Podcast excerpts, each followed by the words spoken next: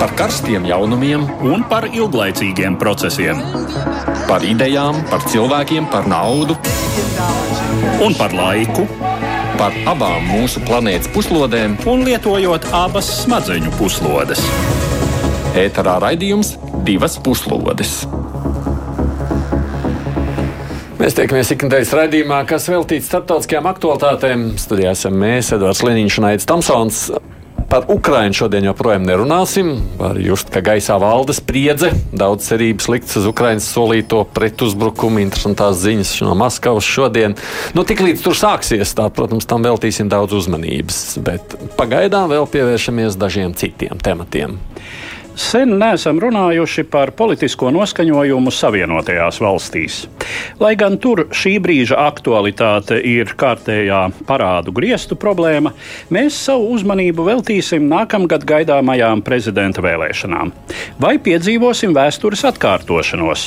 Tas ir ļoti svarīgs jautājums, jo izskatās, ka par vietu Baltajā namā atkal nākamā gada vēlēšanās varētu cīkstēties Džo Baidens un Donalds Trumps. Pievērsīsimies apvienotajām nācijām un Krievijai. Daudz to uzskata par absurdu kalnu galu, ka Krievija pagājušā mēnesī bija no drošības padomus prezidētāja valsts. Tomēr Krievija ANO ir piedzīvojusi arī vairākus nepatīkamus mirkļus. Ģenerālās asamblejas pieņemtajā rezolūcijā par attiecībām ar Eiropas padomu Krievija nosaukt par agresoru valsti, un pirmoreiz šādam apzīmējumam nav pretojusies nec Armēnija, nec Kazahstāna, nec Ķīna. Uzbekistāna gan šai balsojumā atturējās. Kas notiek šajā Centrālā Azijas valstī? Mēs par Uzbekistānu runāsim, jo tur nedēļas nogalē notika referendums par konstitūcijas maiņu. Lai arī daudzas izmaiņas konstitūcijā jāvērtē atzinīgi, vienlaikus esošais prezidents ir nostiprinājis savu varu, lai viņam vismaz tuvākajā laikā nebūtu jāraizējas par pilnvaru termiņa beigām. Studijā ar mums kopā notikums komentēs politologs Andris Kodors. Labdien! Labdien! Bet mēs sākam vispirms ar Amerikas Savienotajām valstīm. Pirms nedēļas Savienoto Valstu prezidenta Džo Baidena komanda publiskoja video vēstījumu, kas piesaka pašreizējā valsts galvas pretendēšanu uz otro termiņu Baltijā namā. Prezidenta vēlēšanām jānotiek nākamā gada 5. novembrī. Un šis Baidena pieteikums vairo iespējamību, ka arī tās, tāpat kā iepriekšējās, izvērtīsies par dueli starp viņu un eksprezidentu Donaldu Trumpu. Pēdējais savu nolūku kandidēt darīja zinām jau pagājušā gada novembrī, un uz pagājušās nedēļas jaunumiem reaģēja sev ierastajā stilā. Pirms piecām dienām uzrunājot savus atbalstītājus Ņūhempšīras štatā, viņš attēloja gaidāmās vēlēšanas kā labā un ļaunā cīņu, sakot, ka tā būšot izvēle starp citēju, spēku un vājumu, veiksmi un neveiksmi, drošību un anarhiju, mieru un konfliktu, labklājību un katastrofu. Taisnība sakot, šī retorika vērtējama kā diezgan adekvāta atbilde uz demokrātu līdera videoklipa patos, jo arī tajā ļoti daudz vietas atvēlēts kaitējumam, kuru eksprezidents nodarījis amerikāņu demokrātijai un briesmām, kādas viņš tai joprojām rada. Kā trāpīgi norāda raidsabiedrības BBC komentētājs Antonijs Zērčers, Baidena klišejiskā frāze pabeigsim šo darbu, kurā daudz sagaidīja kā viņa kampaņas vadmotīvu, parādās tikai pašās klipa beigās. Vēstījums turpretī šķiet esam piebeigsim Donaldu Trumpu un republikāņus. Attiecīgi šīs kampaņas sākums vēlreiz apliecina, ka nākamais amerikāņu politikas gads visticamāk būs antagonisma un agresijas pilns. Augstākajā politiskajā līmenī Demokrātu partijas atbalsts esošajam prezidentam ir garantēts. Savienoto valstu vēsturē ir tikai viens gadījums 19. gadsimta vidū, kad partija pēc pirmā termiņa nenominēja esošo prezidentu atkārtotām vēlēšanām. Principiālu atbalstu Džo Baidenam jau paudis arī viņa galvenais sāncensis - 2020. gada priekšvēlēšanās senators Bernijs Sanders. Cita aina gan paveras vēlētāju aptaujās. Apmēram 70% amerikāņu, tā skaitā apmēram puse demokrāta elektorāta, uzskata, ka prezidentam nevajadzētu kandidēt atkārtoti. Kā galvenā problēma tiek minēts viņa cienījamais vecums. Jau šobrīd Džo Baidens savos 80 gados ir visu laiku vecākais Baltānama saimnieks. Otrā termiņa noslēgumā viņam būtu 86 gadi. Tiesā arī Donalds Trumps savos 76 gados daudz neatpaliek. Un atšķirībā no Baidena, republikāņu rindās viņam ir daudz zaļoksnējāka alternatīva - spēka gados esošais Floridas gubernators Rons DeSantis, kurš ir nedaudz mērenāks par Trumpu savās populistiskajās izpausmēs, bet pārstāv ļoti līdzīgu politisko ievirzi. Būs nebūs vēstures atkārtošanās nākamgad? Andri? Nu, aptuveni divas trešdaļas it kā negribētu tieši šo duetu. Ja? Tur ir jautājums, cik tur individuāli, ku, uh, kuras pavalstis ko atbalstītu, bet uh, nu, tie Baidena nelabvēļi saka, ka redziet, kā tad citās profesijās cilvēks iet, prom, iet pensijā 62 gadu vecumā ASV un kā tad te. Un tad, protams, ir uztraukums par eģismu, jo tas nav īsti pieklājīgi kādam teikt, ka viņš ir par vecu, bet nu, jautājums ir, Mm, pat ja mēs tos gadus uh, nevērtētu gadus, bet vienkārši vērotu kurš paklūp vai nepaklūp, nepaklūp kāpjot lidmašīnā. Ja? Nu, šie momenti jau nepaiet garām. Ja? Labi, jau viņi tur paklūp. Ne? Nu, jā, nu, Trumps, Trumps ir drusku Trumps tomēr ir zaļoksnājis, kā te izskanēja. Jā, jā, jā. jā tā līdzīgi. Viņš ir, viņš ir uh, publiskajās uzstāšanās acīm redzami kustīgāks, dinamiskāks. Jā, vai ne? Mums sarunai tagad uz pāris minūtēm no Vašingtonas pievienojas arī Maršala fonda vecākā pētniece Kristīna Bērziņa. Vai Kristīna, tu mūs dzirdi? Es... Jā, dzirdu. dzirdu. Uh, kā, cik daudz Amerikā tiek apspriests šis iespējamais abu faktiski nu, prezidenta amata kandidātu vecums? Tiek apspriests īpaši starp eh, tādu jaunāko paudžu balsotājiem.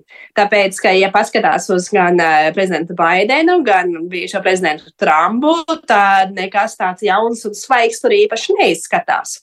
Bet, ja skatās uz to, cik lielā mērā jaunākās, balsas, eh, jaunākās paudzes balso un cik lielā mērā vecākās paudzes balso, īstenībā mēdz tos kandidātus izvēlēties tā, lai tie ir attraktīvi tieši tiem, tai paudzei, kura dzima uzreiz pēc otrā pasaules kara. Šī paudze ir motivēta ziedot politiskiem kandidātiem, aktīvi piedalīties politiskajos procesos, un viņi īstenībā neizskatās nemaz tik atšķirīgi no prezidenta Trumpa vai prezidenta Baidena. Tālāk, lai gan jaunajiem viņi liekas varbūt garlaicīgi, varbūt tādi opīši, kas sēž, varētu sēdēt un arī turpmāk sēdēs Baltijā namā, viņu balsis nav noteicošā šajā jautājumā. Nu jā, redziet, Edvard, tas tāpat kā Latvijā, vai ne? Tā, mēs runājam par šādām lietām, nu, kas politiķis vairāk uztrauc pensionāru bieži vien, vai ne? Kā viņi domā? Nu, nu bieži vien, jā, nu, pensionāri ir apzinīgākais jā. elektorāts vismaz Latvijā. Jā. Droši vien, ka Savienotajās valstīs varētu būt uh, līdzīgi. Uh, bet, nu, protams, uh, šajā gadījumā jau tas arī, ko Kristīna minēja, ka pensionāri ir salīdzinoši visdāsnākie viņiem Savienoto valstu sabiedrībā, jo sevišķi viņi ir dzīvē situējušies, mm, tā sacīt, nodrošinājuši vajadzīgo atspērienu punktu saviem bērniem, un tagad, nu, var tiešām jā, arī politikai naudu pievērsties politikai. Bet, eh, ja mēs runājam par situāciju tā pirms četriem gadiem un tagad, cik tā ir līdzīga vai tomēr atšķirīga, Andi? Spriedze ASV ir pieaugusi vērtību sadursmē. Jā, ir, teiksim, ja es drusku vēl tālāk at, atiet atpakaļ pagātnē, Gors, kad ar Bušu teiksim, sacentās tā. Tā divkauja nebija tik tāda emocionāli, psiholoģiski agresīva, kāda viņa tagad veidojas. Jo uh, Baidens runā par to, ka tūlīt nozaks kāds Trumps un Trumpisti nozaks ASV dvēseli. Viņš saka, jāsargā ASV dvēseli. Tad viņam prasa, par ko īsti tur ir runa. Un uh, tad savukārt tie, kas Trumpu kritizē, kritizē kaut kādas konservatīvās arī izpausmes, piemēram, Te nesen bija ASV tāds strīds par grāmatu, seksuāla rakstura grāmatu ierobežošanu bērniem, jo izrādījās, ka šur tur bibliotekās ir pieejama, un tas arī bija viens no tādiem, un tad Baidens to arī paķēra, un Haris, un sāk teikt, redziet, bērni, bērni tā tad ir tas aizliegums, ka viņi to rāda, demonstrēja, lūk, kas varētu notikt, ja Trumps būs e, spriedzi pieaug. Tādā ziņā es, būdams ASV, komunicēju kā ar demokrātu atbalstītājiem, mm. tā arī ar konservatīvajiem. Te pašā Floridā man bija iespēja tikties ar dažādiem arī konservatīviem kristiešiem. Un, Daļa no viņiem ir Trumpa atbalstītāji. Un, un, uh, lūk, tie vēstījumi, ko es dzirdu vienā grupā, ja, kas būs demokrāta atbalstītāji un tie, kas ir republikāņu atbalstītāji, tie vēstījumi ir, ir asāki, manuprāt, nekā pirms gadiem desmit. Jā, spriedzi auga. Jā, bet, ja mēs skatāmies uz Baidena izvēli, Kristīna, tā ir tāda. Uh, nu, tas, tā nav problēma demokrātiem pašiem, tā, ka, viņiem, nu, ka viņi nevarēja atrast kādu citu Baidenu vietā. Baidens, saprot, nav tas populārākais šobrīd prezidents.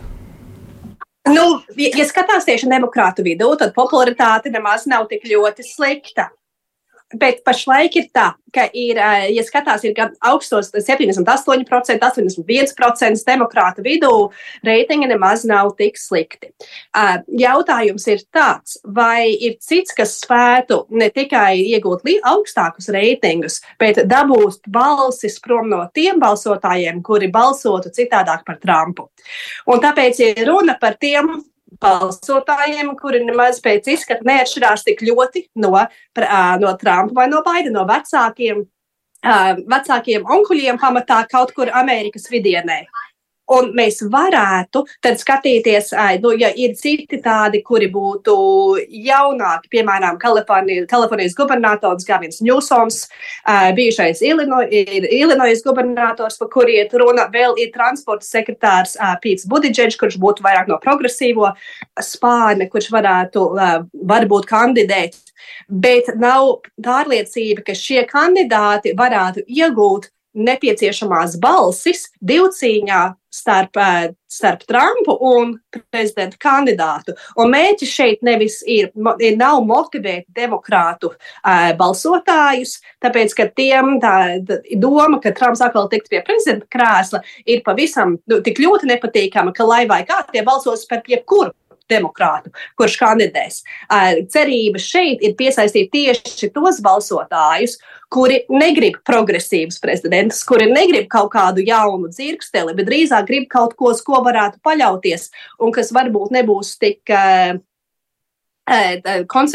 kontroversiāls kandidāts kā prezidents Trumps. Savā ziņā demokrātiem ir jāmeklē kādu nedaudz garlaicīgu kandidātu. Tas nozīmē, ka jā, pro, īpaši progresīvie spārni, jaunākie balsotāji būs neapmierināti, bet viņi jau neies balsot par Trumpu. Un e, viņiem drīzāk viņa interesēs būtu balsot arī tomēr par prezidentu Baidenu, pat ja viņi par to sūdzēsies mazākais ļaunums reizēm, vai ne? Kā mums tāds jēdziens bijis. Bet runājot savukārt par Trumpu kā, kā kandidātu, nu, viņš jau atceramies pirms gadiem pārsteidza vai ne astoņiem. Nozīmē, ka viņš varbūt. Jā. Ir izsmēlis, tavuprāt, savus resursus, atkal kaut ko jaunu atnākt un Baidenam. Nu, tā. Nē, nu katrā ziņā viņa paša Um, tādai izjūtai viņš neko nav izsmēlis. Viņš joprojām turpina pulcināt lielus atbalstītāju pūļus, un tas ir, tas ir tas, kur viņš jūtas kā zivs ūdenī, kā mhm. bijušais TV šovu vadītājs viņam ir auditorija, kas viņam uzgavilē un aplaudē. Tas var pilnīgi redzēt, skatoties šos viņa uzstāšanos mm. video klipus, kā tas viņu uzlādē ar, ar enerģiju, kā tas uzpumpē viņa um, tā sacīt uh, pašpārliecinātību un harizmu. Uh, tā kā uh, Trumpam neapšaubām viņam ir pietiekami liels resurss. Uh, jautājums jau, protams, ir nu, par cik ir to, kuri, eh, kurus viņš var nopirkt ar šo savu agresīvo eh, un eh, bieži vien ar kaut kādu kritisku domāšanu nesaistīto retoriku. Šie apgalvojumi, ka nu, kaut vai Ukrainas sakarā, ja es būtu prezidents, tad vispār Putins neuzbruktu, tas no vienas nesenas viņa uz, uzstāšanās, jā, jā. tad vispār Putins nebūtu uzbrucis. Nu, eh, bet, ja es būtu prezidents tagad, es to atrisinātu vienas dienas laikā. Eh, es pie, piespiestu Putinu aizvākties. No, nu, ja, ja nu ļoti vajadzētu atdot viņam dažas teritorijas, kur runā Krievu valodā, tas taču viss ir tik ļoti vienkārši. Ja? Nu, tad, ja šādam, ja šādam uzstādījumam piekrīt, tad, protams, uh, nu, un tur arī viss pārējais, ja, līdzīgā stilā. Un pilnīgi noteikti es domāju, ka tas lielā mērā atspoguļo šī brīža sabiedrības realitātes uztveri, kuru iespaido sociālie tīkli. To mēs visi jau esam novērojuši. Es domāju, ka um, atšķirībā no perioda, kad bija tikai tradicionālie masu mēdīji, nevis sociālie tīkli un tīmeklis kā komunikācijas līdzeklis kopumā. Nu, tīmekļa komunikācija cilvēkos uzkurina šo izjūtu, ka viedokļa pamatojums nav svarīgs. Svarīgs ir šim viedoklim piesaistīto laiku, eh, tā sacīt, augšu pacelto īkšķīšu daudzums. Laika ir angliski patīk. Es, man jāpārtulko, ne visi zina, kas ir laiks. Uh, Nu, visa pasaule neapšaubām nākošajā gadā sekos līdzi uzmanīgi tam, kas notiek uh, Savienotajās valstīs. Nu, tas noskaņojums starp pasaules bažām un pašu amerikāņu Cik tas kolerē, vai, ir, vai tās ir pilnīgi divas dažādas pasaules? Jā, Trumps par varbūt pavirzīja priekšplānā tādu izolacionismu ideju un ideju par to, ka ASV nav jābūt klātesošai visos svarīgajos punktos, visos svarīgajos procesos, kas pasaulē notiek, jādomā vairāk par iekšējām problēmām, jāsargā iekšējais tirgus, tur savi mm. tērauda ražotāji un tā tālāk.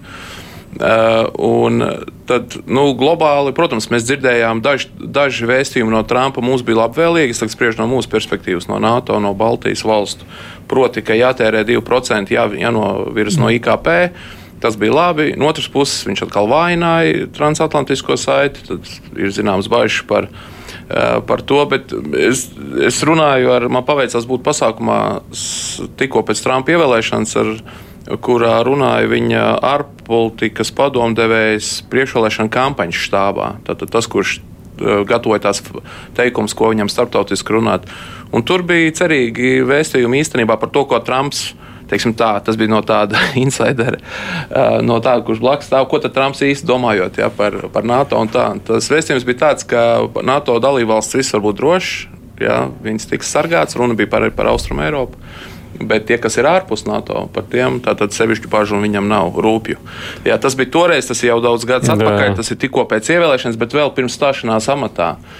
Tā kā globāli ir, nu, Baidens ir zinošāks, viņam ir lielāka pieredze starptautiski, bet Nu, redzēsim, kas būs. Tā paša republikāņu vidū ir Desantes, diezgan populārs Floridas uh, gubernators ar gudro un izskatīgo sievu, kura it kā pārāk viņu ietekmējot. Viņam atkal pārmet, ka viņš ārpolitikā nesaprotot neko daudz. Un, un Ukraiņas kārtas, protams, arī ir tēma, kur noteikti priekšvēlēšana kampaņā nevienreiz vien vēl izskanēs. Jā. Kristīna, cik var, mēs varam sacīt, ka Trumpam tā izredze ir nu, diezgan droša, ka viņš būs kandidāts no republikāņiem? Šobrīd izskatās, ka tas ir vis, eh, visreālākais iznākums. Protams, tā cīņa vēl nav beigusies, un, bet, ja skatās pie Floridas gubernators, no vienas puses ir populārākais, ne Trumps, bet viņa popularitāte ir krietni mazāka nekā pašam Trumpam. Protams, ir tikai vēl, vēl ir pusotrs gads līdz vēlēšanām, un ir iespējams, ka Trumpam varētu būt arī citas grūtības. Notiek ne, nu, bezgalīgas tiesas prāvas, notiek arī eh, personīgi skandāli, arī vecums. Um, viņiem ir enerģija šogad un uh, nākamgad tikpat spraigi, cik iepriekš, jo tas jau bija pirms astoņiem gadiem gandrīz, kad um, pēdējo reizi viņš piedalījās tādā priekšvēlēšanas kampaņā kā pašlaik ja viņam ir spējas to turpināt, nu, tad arī viņam izredzes būt lielākas, kļūt par kandidātu.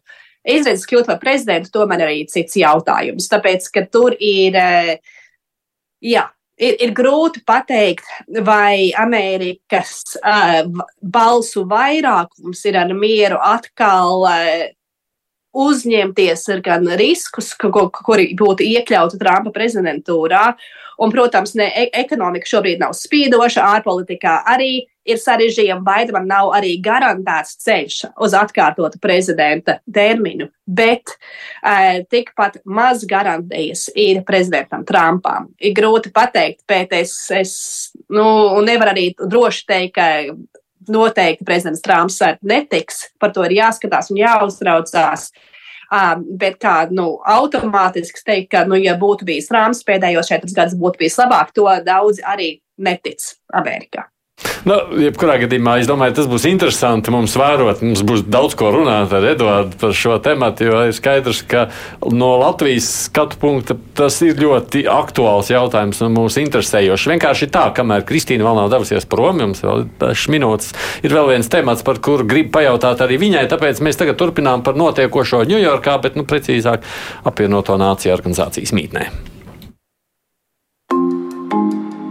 Apvienoto Nāciju drošības padomes prezidējošās valstis mainās ik pēc mēneša. Attiecīgi katrai no 15 padomes locekļiem šis gods iekrīt apmēram reizi pusotrā gadā. Līdz ar aprīļa beigām noslēdzās Krievijas federācijas prezidēšanas mēnesis. Zīmīgi, ka iepriekšējo reizi Kremļa pārstāvis augsto tribīni ieņēma tieši pagājušā gada februārī, kad Krievija uzsāka pilna mēroga iebrukumu Ukrainā. Saprotams, ka Kijavas pārstāvi ļoti asi kritizē šo situāciju, kad institūcijā, kas domāta, lai novērstu konflikts un agresiju pasaulē, prezidē cīniska agresora valsts. Diemžēl nekāds mehānisms, kas to varētu novērst, nav paredzēts. Krievijas pilnvarotais pārstāvis ANO Vasilijs Ņebenzja, sagaidot prezidentūru, solīja debatas, kurās tikšos pieteikta jauna pasaules kārtība, kurā vairs nedominēšot Savienotās valstis. Savukārt kāds anonīms amerikāņu diplomāts Kremļa taktiku prezidēšanas mēnesī raksturoja modernā slēngā, kā mēģināšanu trollēt rietumvalstis. Lielākoties tā ir ar Krievijas agresiju saistītu tēmu cilāšanu, skaļi paužot savu realitātei apgriezti proporcionālo vēstījumu. Rietumiem šai gadījumā bija jau gatava prettaktika, proti uz sēdēm, kurās bija gaidāma spilgtākā maskaviešu iznešanās, devās nevis Savienoto valstu vēstniece apvienotajās nācijās Linda Tomasa Grīnfilda, bet gan kāds viņas zemāka ranga kolēģis, kurš pie tam pameta zāli Kremļa demagoģijas kulminācijas brīžos. Līdzīgi rīkojās arī vēl viena drošības padomas patstāvīgā dalībvalsts - Lielbritānija. Tā notika cita starpā reizē, kad sanāksme tiešsaistē uzrunāja bēdīgi slavenā Krievijas bērnu tiesību funkcionāra starptautiskās krimināla tiesas aizdomās turētā Marija Ļubova Belova. Krievijas pārstāvjiem, tā skaitā vairākas sēdes vadījušajam ārlietu ministram Lavrovam, pagājušo mēnesi nācās uzklausīt visai daudz netīkamu. Taču sāpīgāko pliķi mēneša nogalē Krievija saņēma ANO ģenerālajā asamblējā. Tika balsots par rezolūciju apvienoto nāciju un Eiropas padomas sadarbības sakarā, kuras tekstā Krievijas rīcība attiecībā pret Ukrainu un arī Gruziju raksturota kā agresija. Kremlim netīkamākais ir tas, ka par rezolūciju balsoja arī tā it kā sabiedrotā Ķīnas Tautas Republika. Nu, ne tikai Ķīna, arī Kazahstāna, Armēnija ir nobalsojusi par rezolūciju. Kristīna, ir vērts tam pievērst uzmanību. Ir, ir vērts arī pievērst uzmanību tieši kāda ir uh, drošības padomas loma šobrīd un kāda ir ģenerālās asamblejas loma.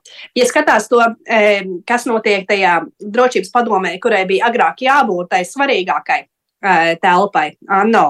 Tad šobrīd tur notiek vārdu izmaiņas, notiek arī sava veida teātris, tādā ziņā, ka kurš tur pārstāv kuru valsti, tas liecina par uzskatiem, par nostājām, bet tas šobrīd, ņemot vērā dinamiku starp Ķīnu, Krieviju, Ķīnu, Krieviju, ASV, Lielbritāniju, pārējām valstīm, nekas sakarīgs un uz priekšu tieši drošības padomē netiek virzīts. Drīzāk var skatīties tieši uz ģenerālo asamblēju par visu ANO dalību valstu nostājām. Un ko mēs esam pēdējā gada laikā iemācījušies kopš Ukrainas kara sākuma, ir tas, ka to mazo valstu balsis ir ārkārtīgi noteicošas, piemēram, sankciju ieviešanā un globālās nostājās un uzskatos par to, kurš ir vaininieks karā vai tā ir Krievija, vai tā ir Ukraina. Un, ja mēs skatāmies uz šo balsojumu, tad izskatās, ka viennozīmīgs atbalsts Krievijai nemaz nav arī tajās valstīs, kuras līdz šim nav neko tik ļoti negatīvi izteikušas pret Krievijas izbrukumu. Un tādēļ lielāks jautājums ir nevis par to, kurš ir pie, pie, pie galvenā krēsla drošības padomē, bet drīzāk kā attīstās ANO un vai savā ziņā ANO šobrīd nepaliek par demokrātiskāku organizāciju, kur tiešām plašākās balsis uh, tiek vairāk skaitītas, tiek vairāk uzmanītas un uh, savā ziņā paliek arvien svarīgākas. Bet faktiski pirms dodies prom, nu, ANO ir tāds vienīgais tāds lielais fórums, kur tiešām visas pasaules valsts vai nevar atnākt. Un, nu, te mēs redzam visu konti, nu, pasaules Te- zemeslodi. Tieši tā, mēs redzam visu pasauli, visu zemeslodi, un katra valsts ir tiesīga izteikt savu viedokli. Un nekur citur mums nav savā ziņā tāda vienlīdzība. Drošības padomē nav tāda vienlīdzība, bet ģenerālajā asamblējā katra valsts tomēr var pateikt savu nostāju, un nekur citur mēs nevaram tik viegli izskaidrot, novērtēt globālo situāciju. Mums paliek arvien nozīmīgāk tā ģenerālā asambleja novērtēt to, kādas tad ir nostājas, kādi ir uzskati un kuri ir tad mums potenciālie draugi. Tas ir tādām eh, cilvēktiesību mīlošām, Ukraiņu atbalstošām demokrātiskām valstīm, kur ir tie draugi šobrīd pasaulē. Katrā balsojumā mēs arī dabūnam atbildi. Paldies Kristīnai Bērziņai, Maršala fonda vecākajai pētniecei par iespēju, ka varēja pievienoties sarunai no Vašingtonas. Uh, Tas, ko tikko sacīja, jā, Kri- Kristīna, ko tu saki. Jā, bez šaubām tam var tikai piekrist, ka ģenerāla asambleja ir būtiska un, eh, principā, lai vispār būtu vieta, kur sarunāties, tāpēc jau arī Lavrovs beigās dabūja vīzu. Un tika vispār Ņujorkā. Ja? Es priecājos, ka viņi propagandistu neielaida, tiesot jau mm -hmm. bijuši lidostā. Eh, Maskavā, un viņi gaidījuši līdz pēdējiem brīdim, jo arī pēdējā brīdī, kā Lavrovs tika iepliķēts ja, no ASV puses, viņam to vīzu iedeva pēdējā brīdī. Ļoti labi, ja, tātad saprotot, ka ok, jāļauj viņam tur fiziski būt, uh, ir kaut kāda tiesiskā procedūra, lai vispār tas nenotiktu, bet nu, ir morāli, protams, liels problēmas vērtoju, vērojot ANO drošības padomu. Protams, visi klausītāji to labi zina, ka pēc otrā pasaules kara tika izveidota sistēma, kā mazināt vai nepieļaut vispār, vai vismaz mazināt karus un ko, kā rīkoties, kas lems par zilo ķiveru ierašanos kara zonās, lai apstādinātu karu, lai apstādinātu genocīdu un tam līdzīgi. Un, uh, drošības padome bija tā institūcija, kam tas jānodrošina. Un tagad, protams, ir, tas ir tā sāpīgi redzēt, ka institūcijai, kurai jānodrošina miers, viņu tagad tās tikšanos veselu mēnesi vada agresoru valsts ārlietu ministrs. Nu, pats par sevi tas fakts, vai ne? Nu, tas tagad tā, tiešām tāds absurds teātris, vai ne? Bet padome, drošības padomas, nu, jēga vispār nav nekāda šobrīd. Nu, teikt, ka jēga vispār nav Nu, nu nekāda, kāda? tas Nu kāda? droši vien Nu ir kāda? pārspīlējums. Nu kāda? Jo Tur, kur viņi var vienoties par valstīm, kur, kur, piedot, tur, kur nav Krievijai interešu, jā, var, var trāpīties konflikts, kur nebūs Krievijai Ķīnai interešu. Teiksim, es Nu, nezinu, kādā valstī, un tad, ja viss vienosies, tad Par, jēga būs. par Eritreju vai kaut kādu Sudānu. Bet- bet jēga ir Nu, stipri kaut kādā Sudānā jā. Krievijai ir intereses, Arī un ir. Ķīnai Nu, tāpat. pēdējā laikā jūs Un- vai un, tā, ka tur, tur, ir, tur ir Wagners no Krievijas, un tur noteikti vismaz potenciāli ir Ķīnas Es no tāda viedokļa varbūt visiem vajag konsekventi pamest to Bet- padomu un sacīt, nu viss šis stāsts ir Nē, nē, beidzies. nē, nu, eh, ne, nevelti, nevelti šis ir vēl viens gadījums, kas ir uzkurinājis no, jau krietni, krietni aktuālo diskusiju par to, ka apvienotās nācijas būtu jāreformē, ka jautājums, kā valstīm, em, teiksim, eh, kā veidojas šis drošības padomas mehānisms, vai tāds pastāvīgo dalību valstu komplekts, kas Uh, izrietēja no otrā pasaules kara beigu situācijas. Nu, apvienotās nācijas ir otrā pasaules kara Nu, jā. um, produkts mm, tādā ziņā, uh, un toreiz pasaule bija krietni citādāka. Nu, mēs atceramies 50. gadu sākumu, kad notika Korejas karš. Tobrīd spēki, kas karoja pret Ziemeļkoreju un um, Kara vēlākajā posmā arī pret Ķīnu, uh, pret uh, komunistisko Ķīnu, tur saucās apvienoto nāciju spēki. Tur bija tāda specifiska situācija, ka Padomju Savienība uz brīdi bija pārtraukusi savu dalību apvienoto nāciju drošības padomē, un līdz ar to varēja pacelt apvienoto nāciju karogu virs amerikāņu, britu, austrāliešu un vēl vesels virknes citu valstu spēkiem, kas tur cīnījās pret Ziemeļkorejas Nu, labi, agresiju. tā bija vēsture, bet tā ir tagad vēsture, skatoties- kāda īsti šodien vairs nav, nav realitāte. Bet jā. līdz ar to ir tā, ka tās valsts piedalās, piedalās kaut kur. Nu, nu, tas tā, tāds teātris. kā Daļa tā jautājumu ir lemjami. Tātad ģenerāla asamblēja daļā jautājumu var nodublēt, eh, drošības padomu aizvietot. Jā, es tagad precīzi nenosaukšu visus šos jautājumus, bet tāpēc tas smaguma centrs paiet uz ģenerālo asambleju. Drošības padomu, jā, viņi ir kaut kādā nozīmē impotenti. Jā, viņi nevar pieņemt lēmumus, kas nodrošinātu kara ierobežošanu. Jā, nu, Tāpēc es to jautāju, ja tur neko nevar Nu, ir, reformēt, ā, kāpēc tajā vispār piedalīties? Nē, nu nav teikts, ka nevar reformēt. Vispirms jau Nu, ir, visi vispirms jau ir skaistais jautājums par to, ar kādu starptautiski politisku pamatojumu Krievija ir kļuvusi par automātisku Padomju Savienības Jā. tiesību mantinieci šajā organizācijā. Tas ir juridiskais ceļš, kuru vajag uh, virzīt, kultivēt, un iespējams, ka līdz tam tomēr kaut kad aizies. Jā. Gru- Nu, Krievijai redz, viņiem, viņiem negāja arī nemaz tik viegli. Nu, Lavrovam tur jāsaraksta ir ik pa laikam un jāmokās. Un, un viņš stāsta kaut kādas pasakas par, nesen viņš teica, ka, mm, ka ne jau NATO tagad ir stiprinājusies, tāpēc, ka tur Zviedrija un Somija iestājusies, bet redziet, NATO gribēja sagraut Krieviju un, un izrādījās, ka Krievija ir saliedējusies. Un, nu, viņam jārunā par viņu, taču liecības, ka viņš esot bijis ļoti saprātīgs cilvēks, ka viņš jau pats ir ANO strādājis, jā, pirms viņš kļuva par uh, Krievijas ārlietu ministru. Nu, cilvēki ir izvēlējušies tādu, ir tāds darbs melot uh, visai pasaulē, jā, gan savai tautai, gan visai pasaulē. Izraēlas delegācija nepiedalījās, kad, kad Lavrovs runāja par tuvu austrumu miera procesu kas bija vispār orientācija uz Izraēlu. Un Izraēla esot re, vairāk kārt lūgusi Krieviju un, un Lavrovu, lai viņi tagad izmaina dienas kārtību, jo Izraēlē bija kaut kāda pasākuma paredzēta ja, tajā dienā. Nu, lūk, sanāca, cēlās taču prom, ne, ne, dalībnieki daļa neklausījās, kad Lavrovs runāja. E, No vienas puses tas bija sāpīgi kaut ko redzēt, ka viņš vispār tur ir, no otras puses nu, bija redzams, ka mm, Lavrovo uzstāšanās laikā ik pa laikam smiekla atskan. Nu, nav tā, ka Krievija kaut ko sevišķi arī būtu iegūusi ar to, ka viņa tika pieļauta vadīt šo drošības padomu. Tur tas, tā sākotnējā retorika, ka mēs te tagad jums parādīsim, ka pasaule vairs nav vienpolāra, respektīvi Savienotajām valstīm ir jārēķinās. Nu, tas, eh, tā jau ir tāda eh, tiešām tukša retorika no tā viedokļa, ka Savienotās valstis nekad nav savu hegemonu lomu pasaulē uzsvērušas, drīzāk eh, otrādi.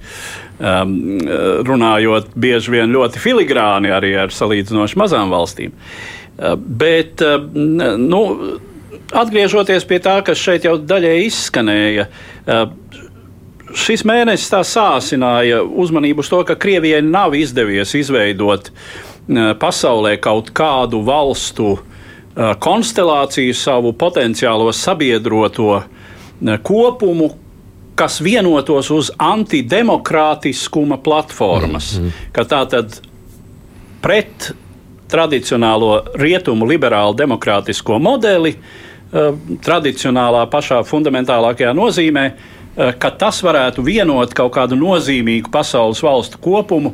eh, Tikai tāpēc, ka tām ir nedemokrātiski, daļēji demokrātiski, traumēti demokrātiski režīmi. Nu, un šī te pieminētā rezolūcija, tur tā Ķīna, Armēnija, Kazahstāna, nu, tādas pamanāmākās valstis, kas iepriekš atturējās, šoreiz bija nobalsojuši pār.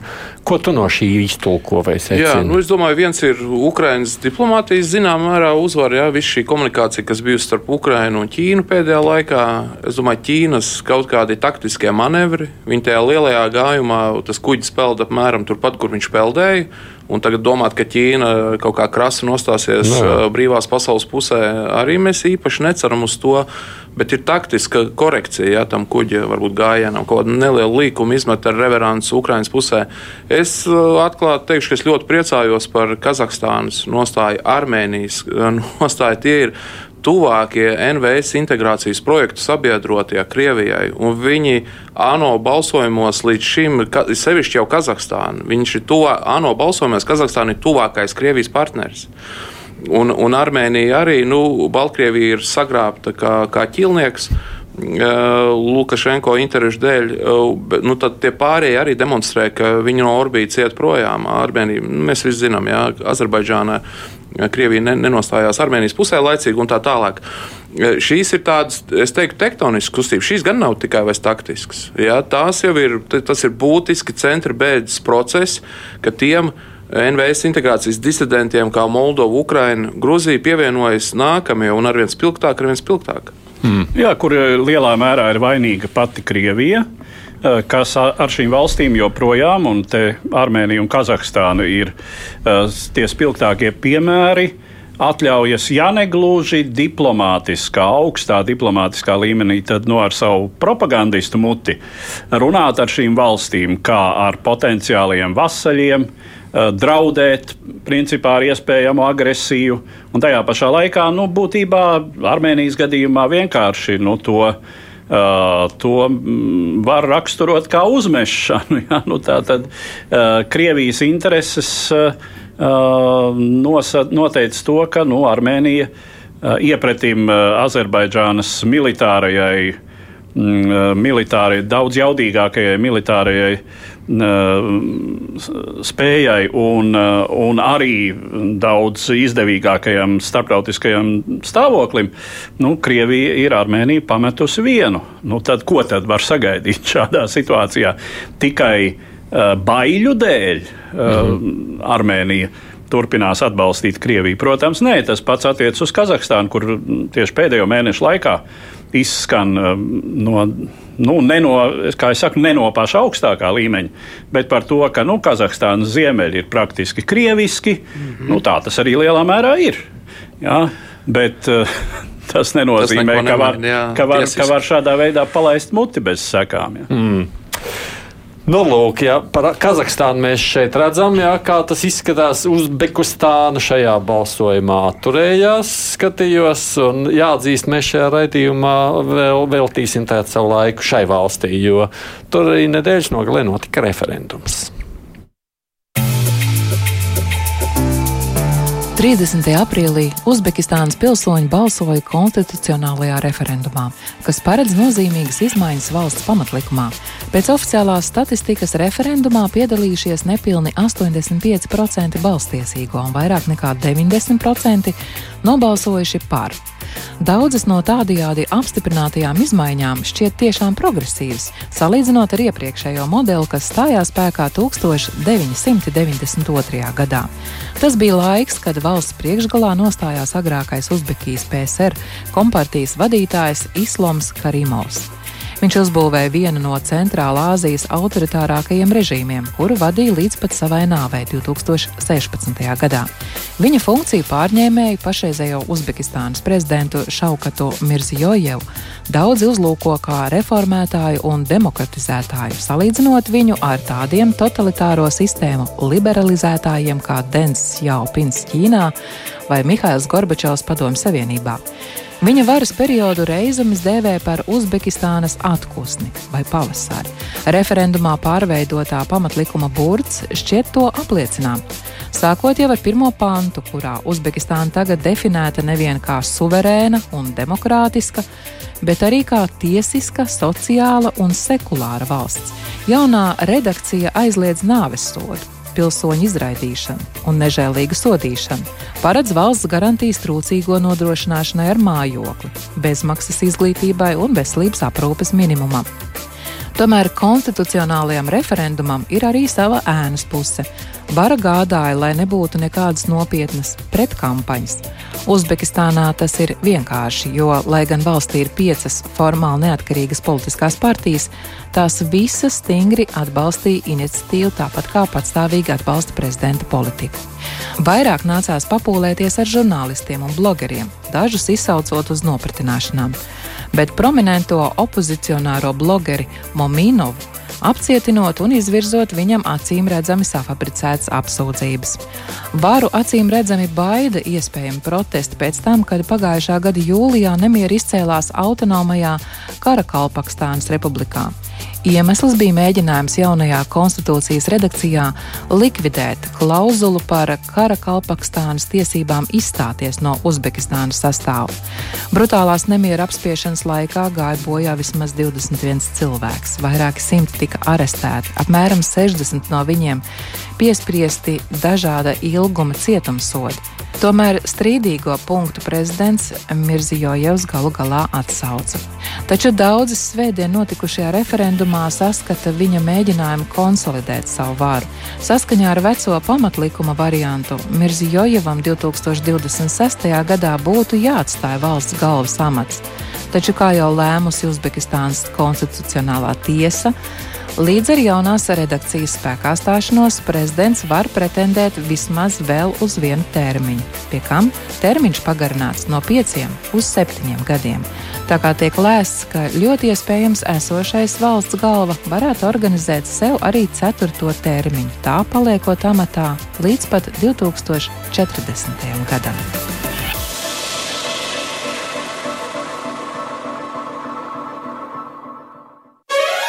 Divas puslodes. Atgādījums studijā bez mums ar Edvardu ir arī politologs Andris Kudors. Es jums par tiem skaitļiem, tātad referendumā tur gandrīz vai visa tauta piedalījās, tur gandrīz vai visi balsoja pār. Tad, cik tas atspoguļo realitāti? To no īsti nevar pateikt, jo tas, ko starptautiskie novērotāji atzīmē, ka nu, vēlēšanu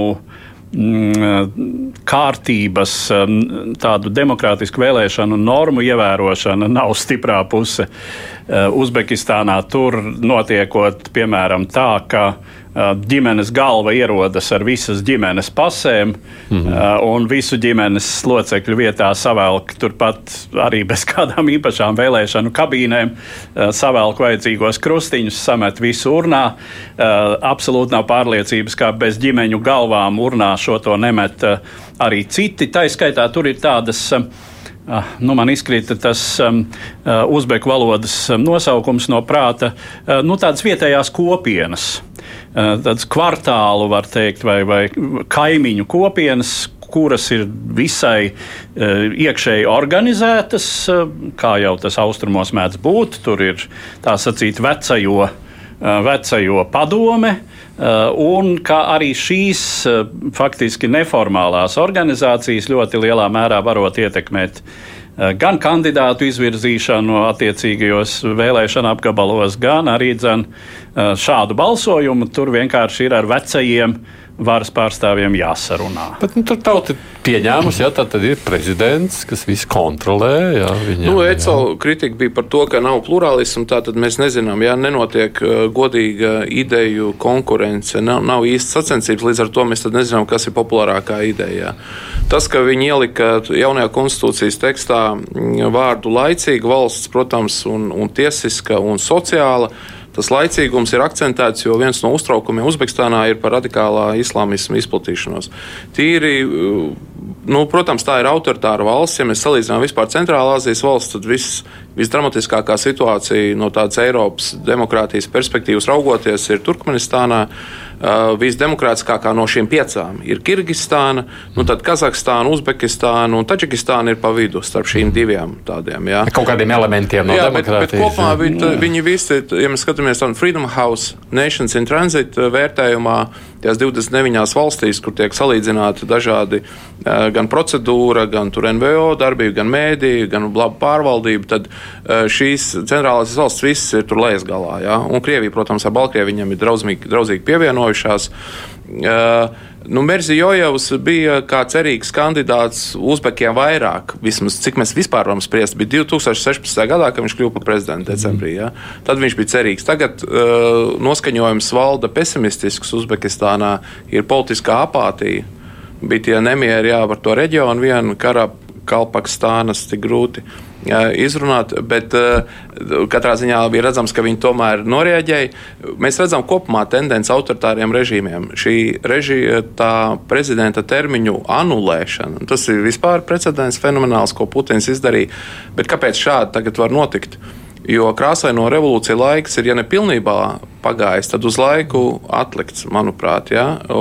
Vismaz līdz 22. gada Krievijas iebrukumu Ukrajinā to droši vien redzēt, jo autoritārie režīmi Krievijā un Baltkrievijā parādīja, ka tad, kad atnāk liela protestētāji pulks un sāk atkāpties, un tad līderis saka, nu, līderis, autoritārais diktators.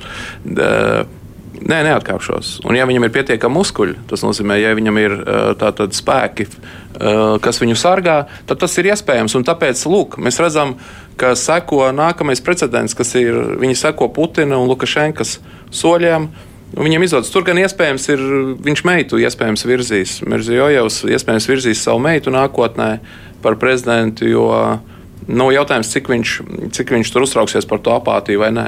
Mm. Mums esam sazinājuši šobrīd arī politologu Kārlu Daugštu. Daugštkungs, halo!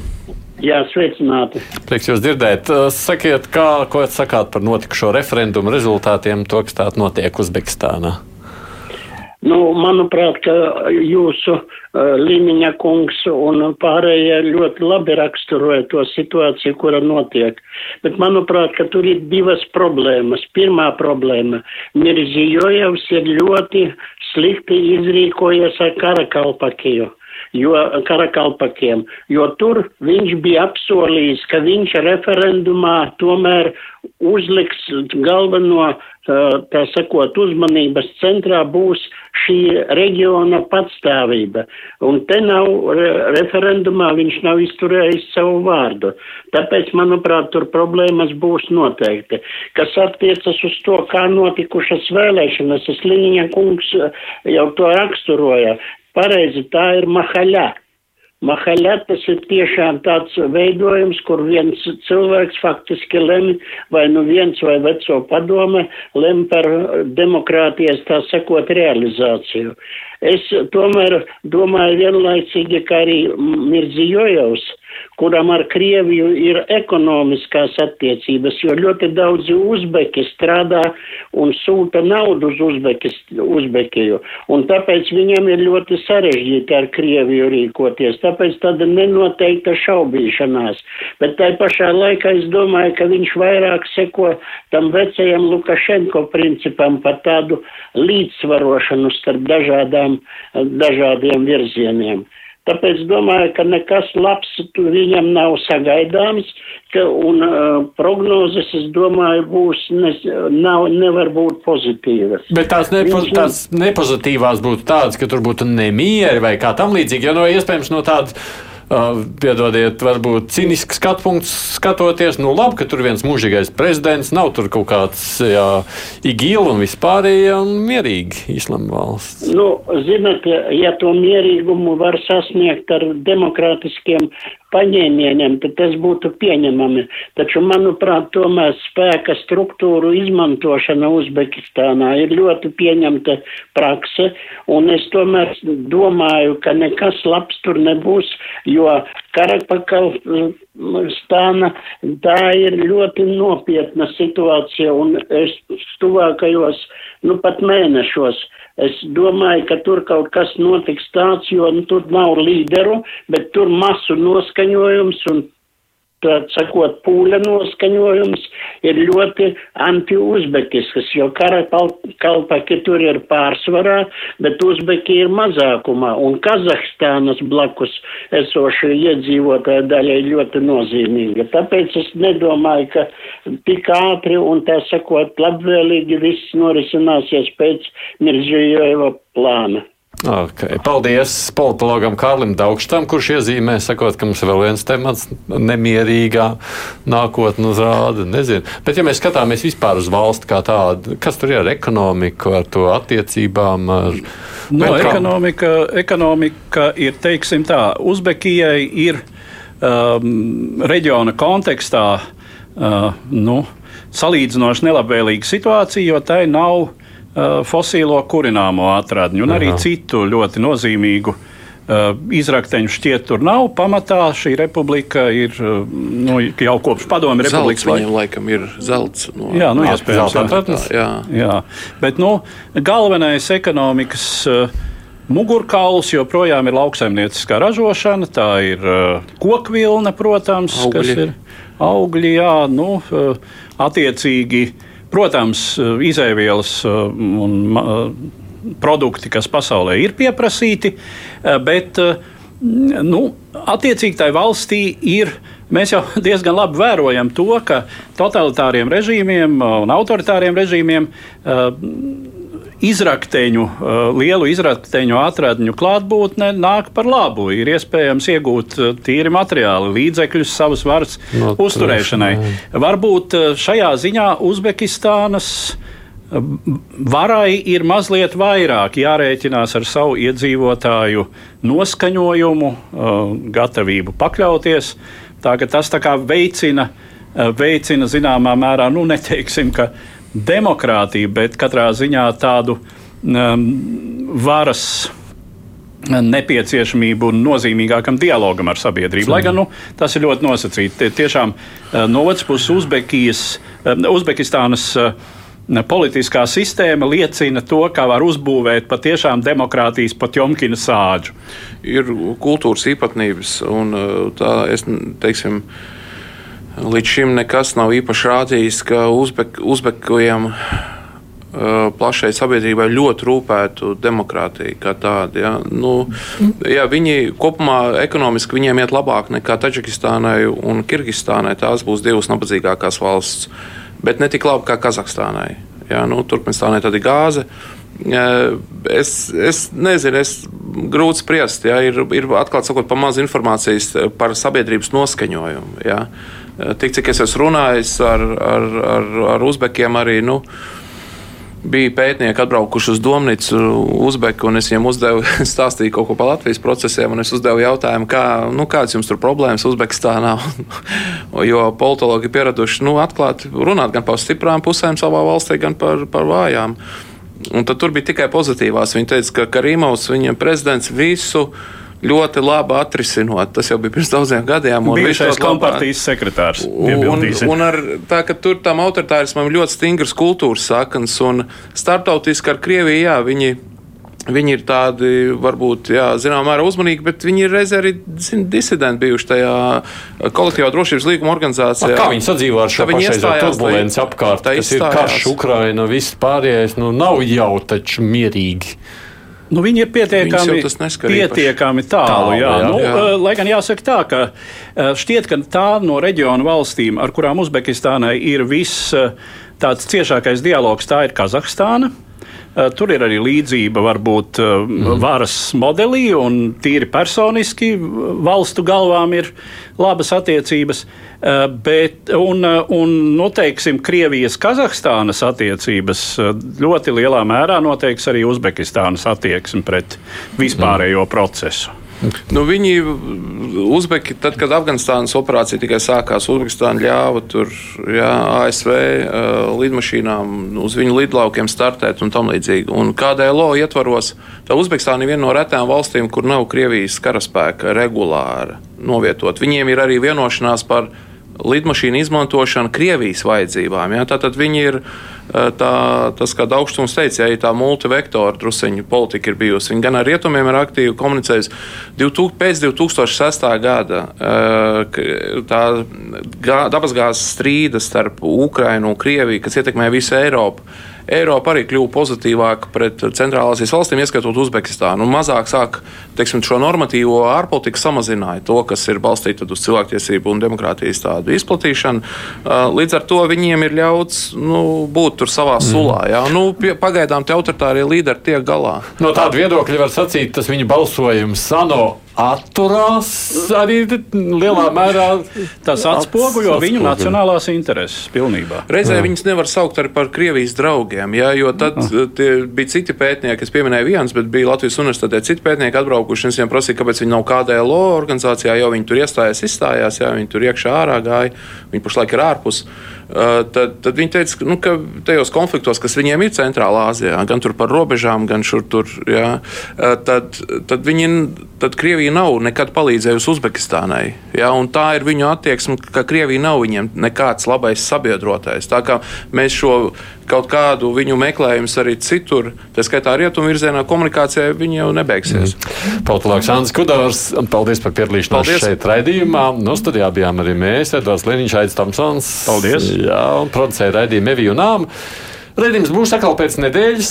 Tad gan man tā ir jāpiebilst, ka es uz pāris nedēļām izkritīšu no aprites. Jāmēģina sevi mazliet fiziski pielabot, bet manā vietā būs gan kolēģis Uģis Lībijams, gan arī Arnēs Krause. Runāt jums noteikti būs par ko mēs gaidām. Pirmkārt, jau ziņas no Ukrainas, un kas viņi zina, kur katru dienu tur kaut kas varētu notikt. Gaidām vēlēšanas Turcijā, kas arī pēc tuvāko pāris nedēļu laikā ir. Tad ir ļoti daudz interesantu notikumu priekšā, un to arī viss klausāmies. Tā tad divas puslodes atkal pēc nedēļas šeit Latvijas raidījā viens ēterā.